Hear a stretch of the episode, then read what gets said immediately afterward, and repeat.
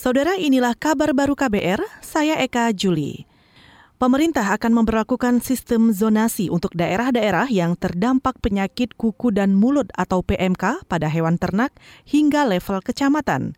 Menteri Koordinator Bidang Perekonomian Air Langga Hartato menyatakan, sapi yang berasal dari daerah merah PMK nantinya akan dilarang keluar zona.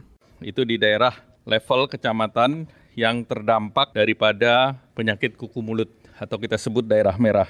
Daerah merah ini ada di 1765 dari 4614 uh, kecamatan atau di 38 persen.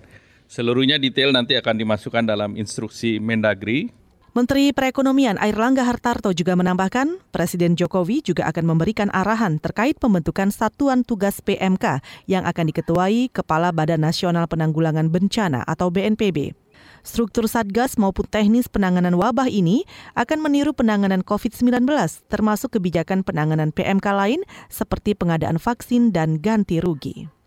Kita ke soal lain, Dinas Pendidikan Jawa Barat akan memberi sanksi kepada sekolah yang menerima pungutan liar saat penerimaan peserta Disdik Baru atau PPDB 2022. Kepala Dinas Pendidikan Jawa Barat, Dedi Supandi, mengatakan dinasnya juga melibatkan tim Satgas Saber Pungli untuk mewujudkan PPDB 2022 di Jawa Barat yang adil.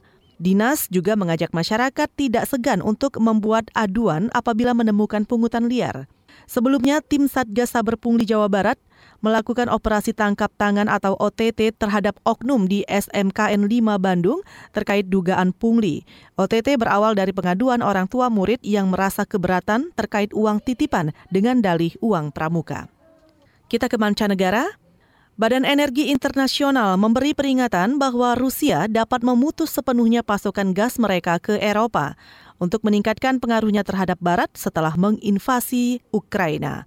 Laporan selengkapnya disampaikan jurnalis VOA Rifanu Yastono. Badan Energi Internasional atau IEA memperingatkan bahwa Rusia dapat memutus total pasokan gas ke Eropa untuk meningkatkan pengaruhnya terhadap Barat setelah menginvasi Ukraina. Rusia telah sangat membatasi aliran gas ke Eropa dalam beberapa hari terakhir. Kremlin menyalahkan hal itu pada keterlambatan perawatan peralatan yang disebabkan oleh sanksi Uni Eropa. Sedangkan Eropa menuduh Kremlin bermain geopolitik. Melihat perilaku ini dalam beberapa waktu terakhir, saya tidak akan mengesampingkan kemungkinan Rusia terus mencari masalah berbeda di sana-sini dan terus mencari alasan untuk semakin mengurangi pengiriman gas ke Eropa dan bahkan mungkin memutus sepenuhnya, kata Direktur Eksekutif IEA Fatih Birol dalam sebuah pernyataan kepada Reuters.